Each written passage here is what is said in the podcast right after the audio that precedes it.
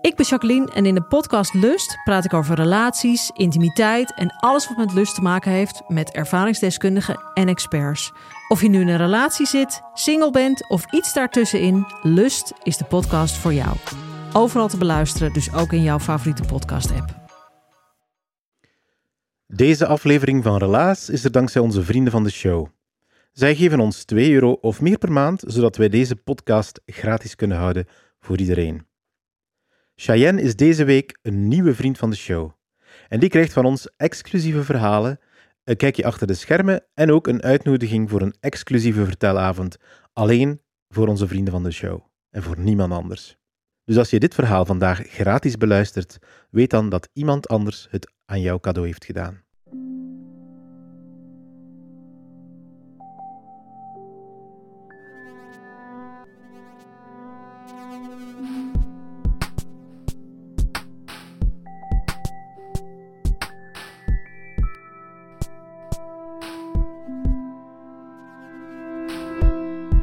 Ik ben Pieter van Relaas. In Relaas vertellen mensen waar gebeurde verhalen die ze zelf hebben meegemaakt. We gaan luisteren naar het verhaal van Lisa. Het is een eh, familieverhaal, denk ik, voel ik zelf. Het gaat over samen vallen als familie. Over echt iets zwaars binnenpakken. Over rechtop klimmen en dan weer doorgaan. Ook al is die tegenslag soms overweldigend groot, groter zelfs dan het leven.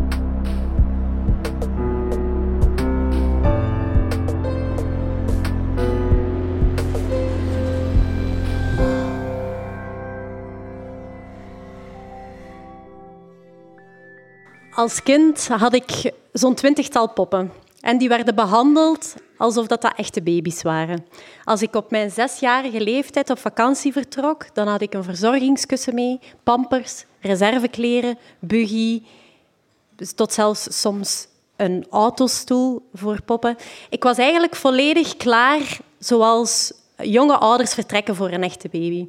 En als mijn neven en mijn nichten die poppen onheus behandelden, dan werd ik kwaad of dan was het ruzie. En ik herinner mij nog heel goed een scène op vakantie waarbij mijn twee jaar ouder nichtje mijn pop, mijn lievelingspop, ondersteboven met haar voetje vasthield. En ik herinner me dat gevoel nog. Ik vond haar een beul, ik vond haar een onmens. En ik had ook al echt ernstige vragen over haar latere moederschapskills. En die liefde voor die poppen die is gelukkig gaan liggen. Maar de liefde voor het kind en de interesse voor het kind dat is gebleven. Op de scouts, tijdens mijn opleiding pedagogische wetenschappen, eigenlijk wist ik al vroeg dat ik graag mama zou worden. Vanaf mijn drie jaar.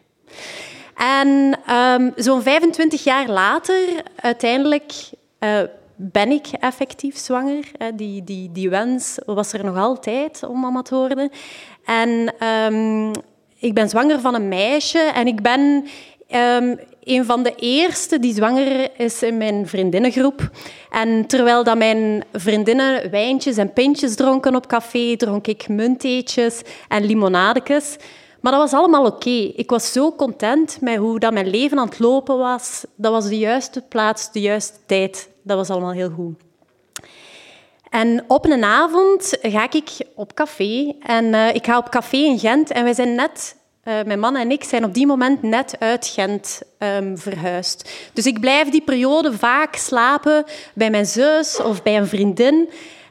Um, en dus op een avond ga ik met collega's iets gaan eten. We gaan daarna iets gaan drinken. En het was super gezellig, maar het was eigenlijk wel een beetje te laat. Um, en ik blijf bij mijn zus slapen. En uh, die morgen nadien fiets ik naar het werk. En ik voel me eigenlijk echt niet goed. Ik ben moe. En um, het is duidelijk een lastige dag. En ik beklaag mij dat ik niet een avond daarvoor gewoon wat vroeger in mijn bed ben gekropen. En um, die, die dag op het werk, die ligt me echt niet. Ik voel me echt niet goed. En ik ga iets vroeger naar huis. En ik um, sta s'avonds op het perron um, van Gent-Sint-Pieters. En op die moment heb ik echt buikpijn. Ik voel me echt niet goed. En ik um, bel naar Levi, naar mijn man. En ik zeg... ja, ik, ik, ik, ben, ik ben niet goed, ik heb buikpijn, uh, ik ben moe. En hij zegt, zouden niet toch even naar, um, naar het ziekenhuis bellen? En ik vond dat wel overdreven, want ik had de avond daarvoor gewoon vroeger naar huis moeten gaan. En um, op die moment ben ik 26 weken zwanger. En um, dus ruimschoots voorbij de helft. En eigenlijk gaat alles goed. Maar, dus ik bel toch naar het ziekenhuis. En ik bel en um, die vroedvrouw aan de lijn die zegt, kom toch maar een keer af. Dus ik ga naar het ziekenhuis. Ondertussen is Levi er ook, uh, is die ook toegekomen. En ik um, word zo door die vroedvrouw aan een monitor gelegd. Wat geen routineonderzoek is op die moment. En... Um, die, uh, de gynaecoloog van Wacht wordt er op dat moment bijgehaald. En um, die vertellen ons dat ik waarschijnlijk iets vroeger ga bevallen. Oké. En uh, ik heb een beetje een raar intakegesprek met die gynaecoloog van Wacht. En ik praat eigenlijk de hele tijd met die mens over een collega van mij die echt wel te vroeg bevallen was, op 28 weken. En dat dat wel heel zwaar was, uh, zo'n premature start op de neonatologie. En um, later die avond um, begint die buikpijn uh, harder te worden. En um, komt die vroedvrouw zeggen van ja, kijk, in overleg met de gynaecoloog van Wacht, die dan al lang naar huis was, hebben we besloten dat je toch een nachtje moet blijven. Oké, dus ik blijf daar uh, die nacht. En die buikpijn die wordt heviger en die wordt frequenter. En die aanvallen, die buikpijnaanvallen, komen dichter op elkaar. En ik begin dat op te schrijven op een papiertje. En het is op dat moment dat ik doorheb, dit zijn weeën. Dit is niet goed. En die nacht, om zes na drie, wordt Mona geboren. En die wordt niet geboren in gewoon zo'n bevallingskamer met een bad en een bed. Maar nee, zij wordt geboren op de kraamafdeling tussen de andere pasgeboren baby's. En ze leggen zo een plastieke blauw dekzeil om die matras te beschermen. Zo een vuurshelter van op de scouts van vroeger. Zo een, ja, een plastieke bash om die matras te beschermen. En Mona wordt geboren en die vroedvrouw legt daar heel voorzichtig op mijn borst. En op die moment weet ik niet wat ik moet doen. En ik hou die driehoek boven mijn hoofd vast, zo die driehoek van dat ziekenhuisbed, in de hoop voor steun of weet ik veel wat. En ik weet niet hoe dat ik mijn eigen dochter van nog geen kilo moet vasthouden. En Mona die um, piept en die is warm en, uh, en dat is een mooi moment. Ik herinner me dat als een mooi moment. En gaandeweg durf ik één hand van die driehoek loslaten, terwijl de andere, de andere hand steun en alvast probeert te zoeken aan die, aan die driehoek. En um, na een tijd, die vroedvrouw zit daar, Levi en ik zitten daar, Mona is daar. En die vroedvrouw die zit de hele tijd naar ons te staren, onophoudelijk, heel geconcentreerd. En na zo'n tien minuten um, zegt hij heel formeel drie uur zeventien. En die schrijft dat uur op. Het uur van overlijden. Mona wordt op dat moment doodverklaard. En net dan slaakt Mona weer een zucht en begint hij terug te ademen. En het is dan dat ik begin te huilen, maar niet heel hard. Ik begin gewoon zacht te huilen, want ik besef, dit is hier de enige moment dat ik met mijn dochter heb. En haar op die moment doorgeven aan Levi, dat gaat niet, want dat gaat ze waarschijnlijk niet overleven. En het is op dat moment dat ik besef, we zijn hier eigenlijk in stilte en onuitgesproken aan te wachten op de dood van Mona. En een half uur later sterft Mona en het is stil op de gang En alleen in de verte horen we het huilen van een pasgeboren baby.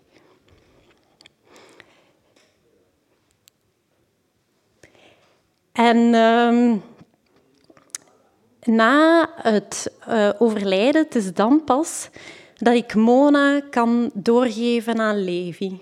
Het is dan pas dat hij ze kan vasthouden en het is dan pas dat ik eindelijk dat andere hand durf lossen van die stomme driehoek om haar vast te houden en dat ik geen schrik niet meer heb om haar pijn te doen. En het is op die moment dat we de hele tijd met ons drie samen in dat bed liggen waar ik in bevallen ben. En Levi en ik, we vinden Mona mooi, maar eigenlijk kijken we te weinig. En we vinden haar klein, maar we zien haar niet in volle lengte. En op die moment beslissen wij om definitief afscheid te nemen van Mona.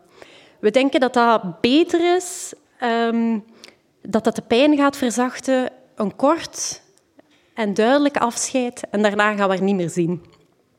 Dus we beslissen daarvoor en ik weet, nog, ik weet niet hoe lang dat we precies nog met haar samen met ons drietjes in dat bed lagen.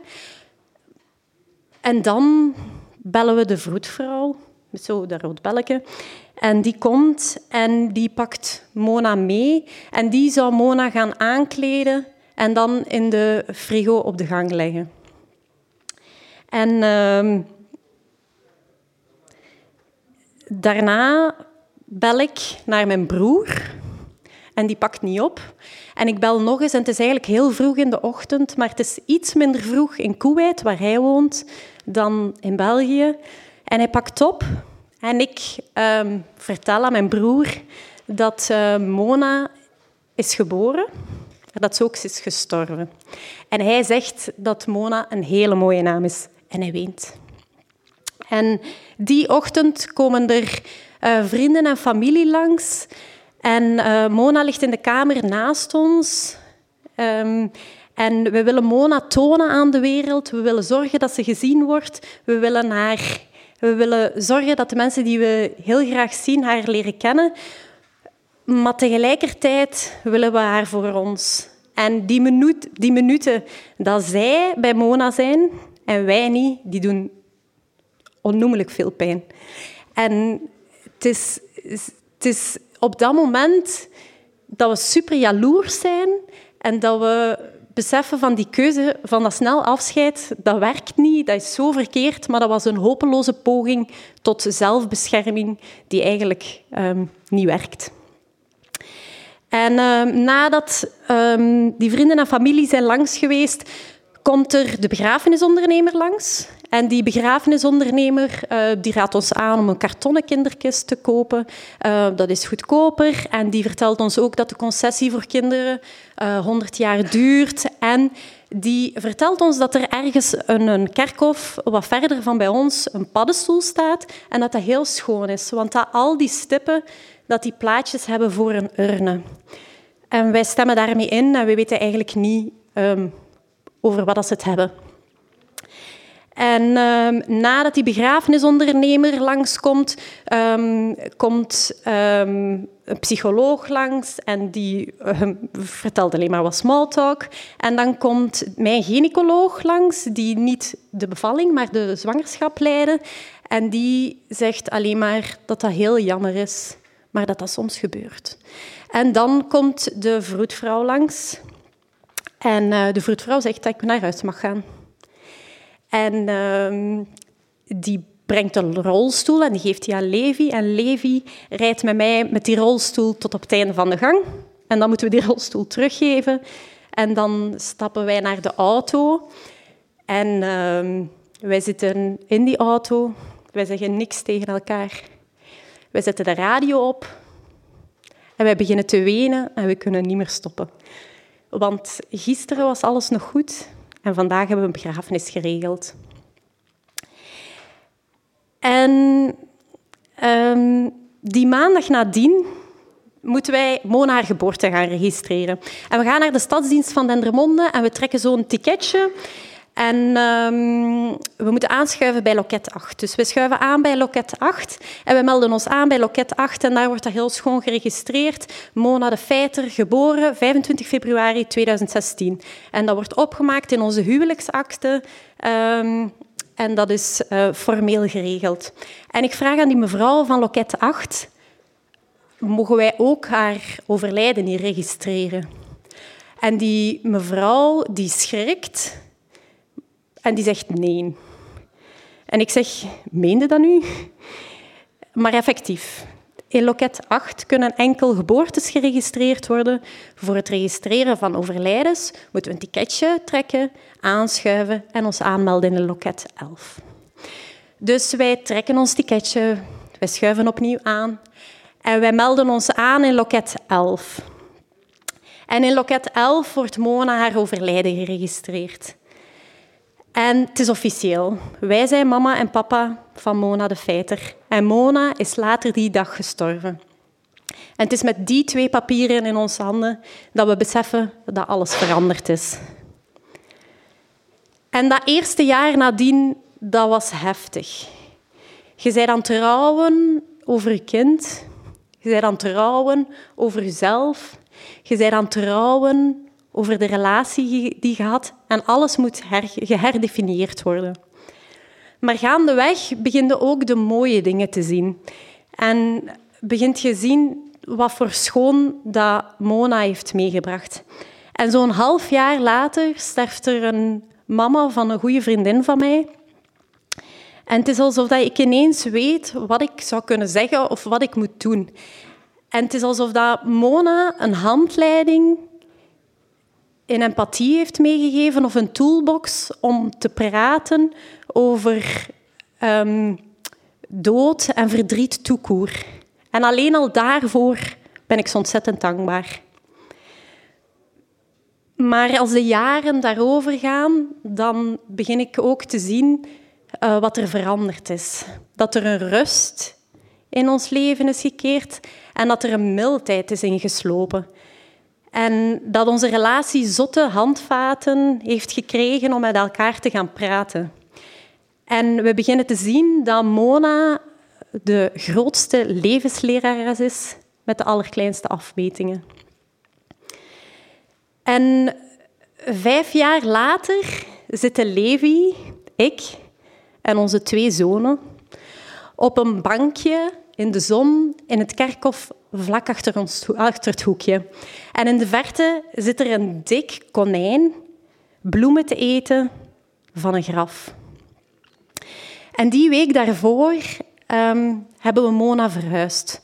Mona zat dus in die paddenstoel, waarbij dat al die stippen plaats hadden voor een urne. En op zich is dat een keischoon idee, zo'n paddenstoel, maar dat werkt niet. Want je verkeert in permanente stress dat er een andere stip zou gevuld worden. Maar tegelijkertijd is er niets zo eenzaam als de enige stip te zijn in zo'n paddenstoel. En dus Mona heeft zo'n vijf jaar in zo'n paddenstoel gezeten. En die paddenstoel die werd grauwer. En onze bezoekjes werden minder frequent, maar ons schuldgevoel omgekeerd evenredig groot.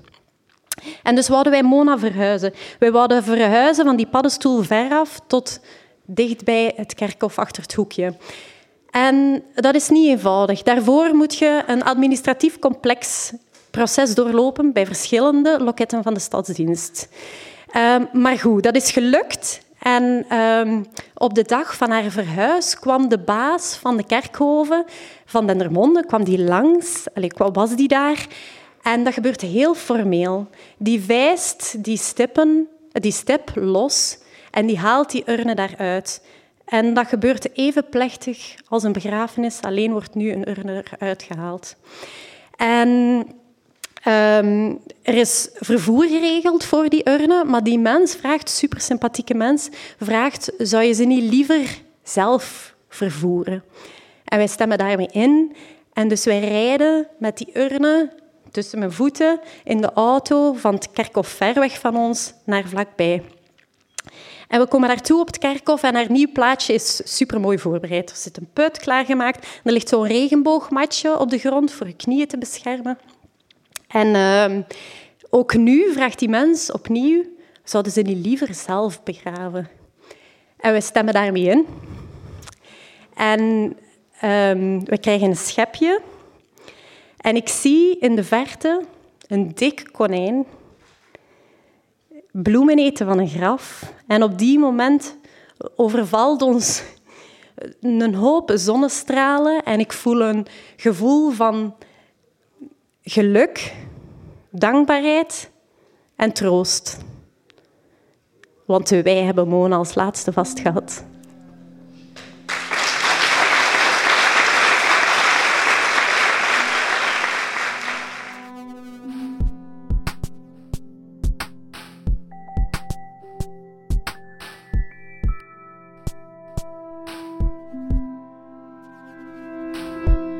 Dat was het relaas van Lisa. Ze heeft het verteld in Track Hostel, het was in Gent, in september van 2023. De eigenaars van Track Hostel, dat zijn grote fans van Relaas, fantastische mensen ook.